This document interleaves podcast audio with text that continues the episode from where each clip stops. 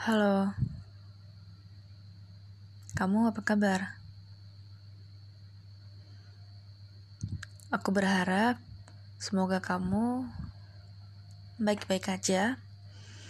Atau kalau lagi ngerasa nggak enak, lagi ngerasa sedih, atau ya mungkin bagi orang lain itu adalah perasaan atau emosi yang negatif, kurang baik, atau kurang awam, that's okay.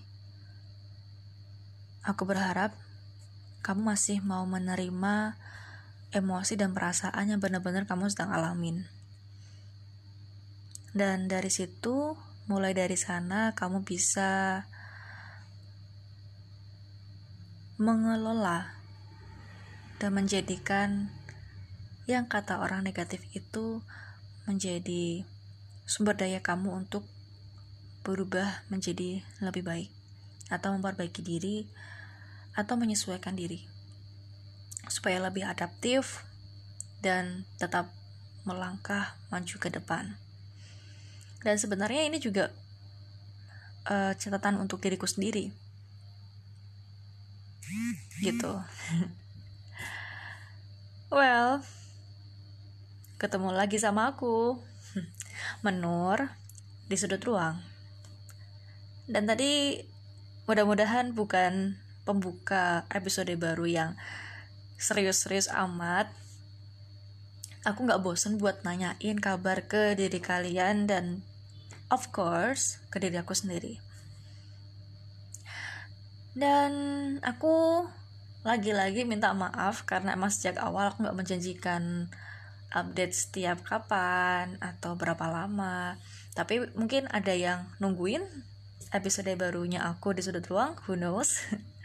Jadi semoga uh, pertemuan kali ini via suara masih tetap di situ uh, masih bisa mengobati rindu yang ya siapa yang rindu ya?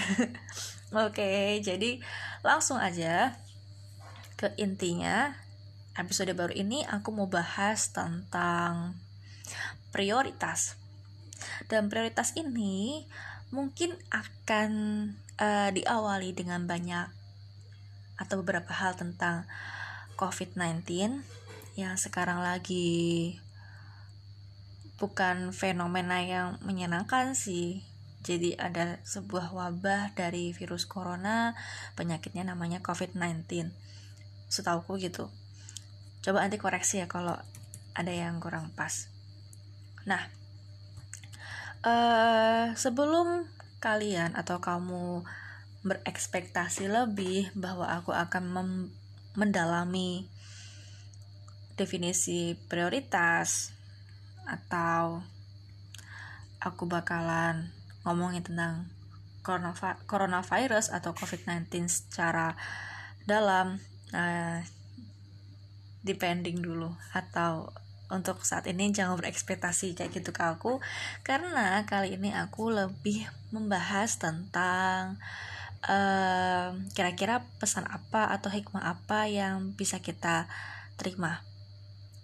Jadi aku menganggap ini sebagai pesan analogis dan itu bisa kita pakai tidak untuk uh, sekarang saja, tidak hanya untuk sekarang tapi untuk kehidupan kita ke depannya insya Allah. Nah, jadi singkatnya nanti kita akan bahas tentang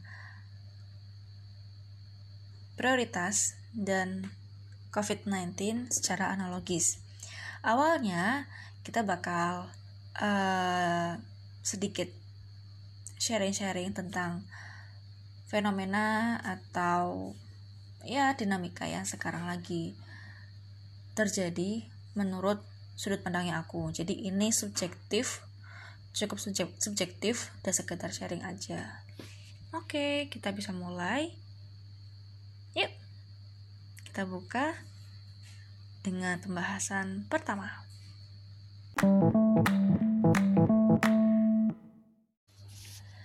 Awalnya aku tuh nggak begitu nyangka kalau virus corona ini bakal sampai ke Indonesia setelah ada drama-drama dari orang Indonesia sendiri itu beberapa yang di media sosial tuh sangat-sangat uh, optimis kita tuh tidak akan kena virus corona karena berbagai faktor yang ya menurut aku pribadi cukup berlebihan optimisnya.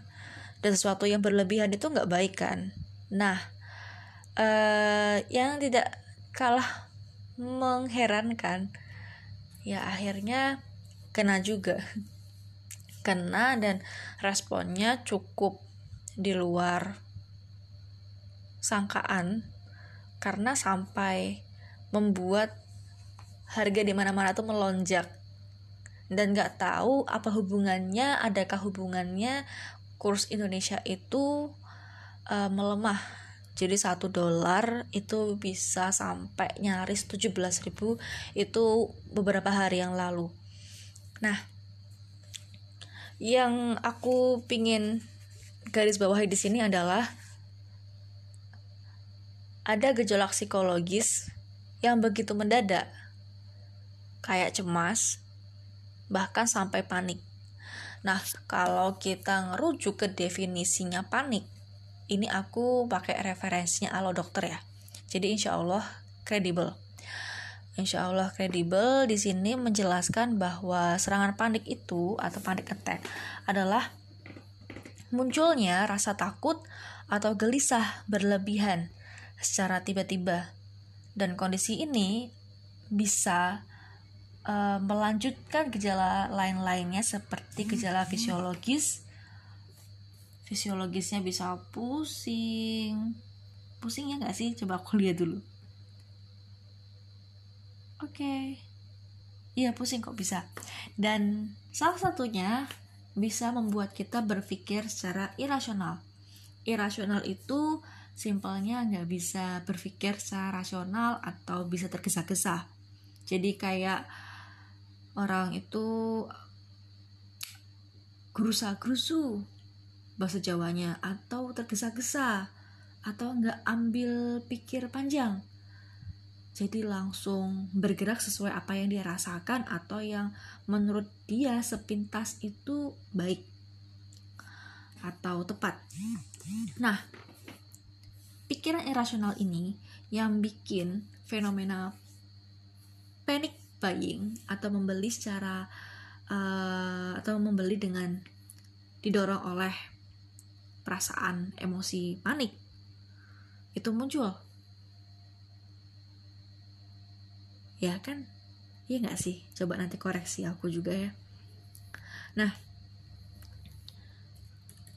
irasionalnya yang sekarang ini terjadi atau sudah lama terjadi kemarin-kemarin itu dan sampai sekarang mungkin itu tuh contohnya beli masker sebanyak-banyaknya untuk kepentingan pribadi terus beli hand sanitizer padahal sudah banyak yang menyuarakan untuk uh, memprioritaskan gerakan cuci tangan dengan sabun selama beberapa detik 20 atau 60 detik gitu dengan sabun dan air mengalir sampai sekian detik baru virus dan bakteri itu pergi atau rusak. Jadi sebetulnya kan tidak begitu efektif. Hand sanitizer. Itu sudah ditekankan beberapa kali bahwa itu hanya uh, digunakan dalam keadaan darurat. Tapi nggak tahu kenapa masih aja banyak yang mencari atau membeli secara ya secara bersamaan langsung ludes. Baru datang ludes.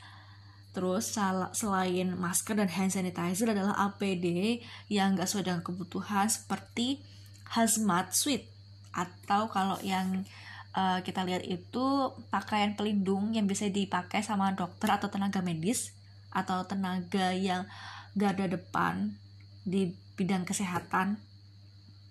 Dan itu tuh katanya tidak semahal sekarang sebetulnya. Tapi karena ada yang beli dan secara besar-besaran yang tenaga medis yang seharusnya membutuhkannya tuh nggak dapet dan pakai seadanya kayak pakai jas hujan. Impactnya itu ke situ gitu loh. Padahal uh, yang diprioritaskan adalah tenaga medis untuk pemakaian hazmat suit ini. Nah panic buying. Aku nggak akan bahas secara dalam sih dan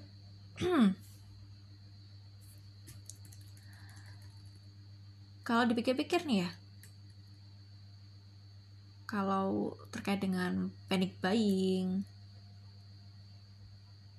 itu kayaknya kita nggak jadi mikir jernih itu loh kita nggak atau kurang mempertimbangkan kurang bisa mempertimbangkan pembelian perlengkapan kesehatan untuk mencegah COVID-19 ini. Padahal kan di sisi lain ada orang yang lebih lebih berhak dan perlu kita prioritaskan untuk membeli APD-APD medis ini. Jadi sekarang itu sudah mulai ada gerakan-gerakan atau sosialisasi tentang penggunaan APD atau alat pelindung diri secara non medis kayak masker kain yang insya Allah katanya terbukti 75% mencegah sumber penyakit lah. Itu bakteri, virus yang sifatnya karier atau pembawa. Katanya gitu sih. Kalau aku nggak salah menerjemahkan lagi-lagi. Bisa aja salah persepsi atau agak-agak mispersepsi kan gitu. Terus nah kalau dari fenomena panic buying dan COVID-19 terus prioritas itu bisa kita ambil benang merahnya. Kita bisa ambil moral ambil nilai moralnya sebagai bahan kontemplasi analogis kita analogisnya apa kalau kita tidak bisa berpikir jernih itu kita akan kesulitan memilih keputusannya terbaik. Bisa jadi kita salah memprioritaskan sesuatu atau seseorang. Kalau misalnya dalam hal COVID-19 ini kita jadi tidak bisa memprioritaskan tenaga medis mendapatkan perlindungan yang optimal.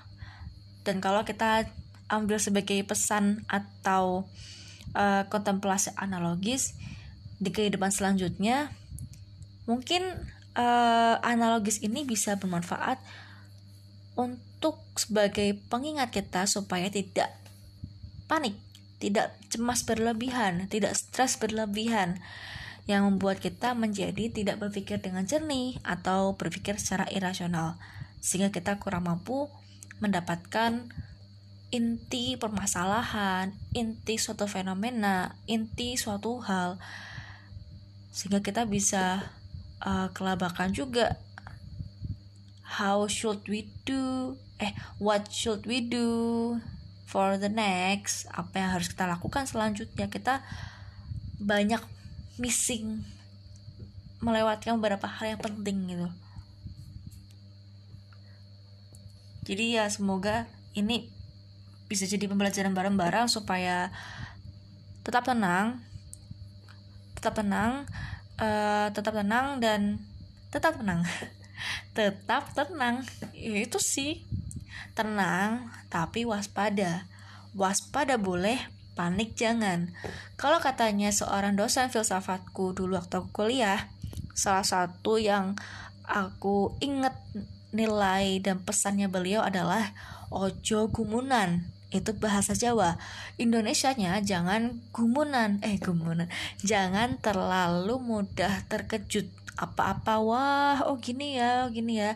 Cobalah kita menjadi netral sejenak kita hening sejenak. Kita coba pikirkan kira-kira uh, apa yang sedang terjadi dan apa yang perlu saya lakukan agar situasi baik secara situasi internal psikologis maupun ekstra psikologis di luar kita itu stabil dan balance atau seimbang. Jadi insya Allah kita uh, sedang mengusahakan yang terbaik untuk diri sendiri dan juga orang lain. Kita berusaha untuk tidak merugikan diri sendiri dan orang lain.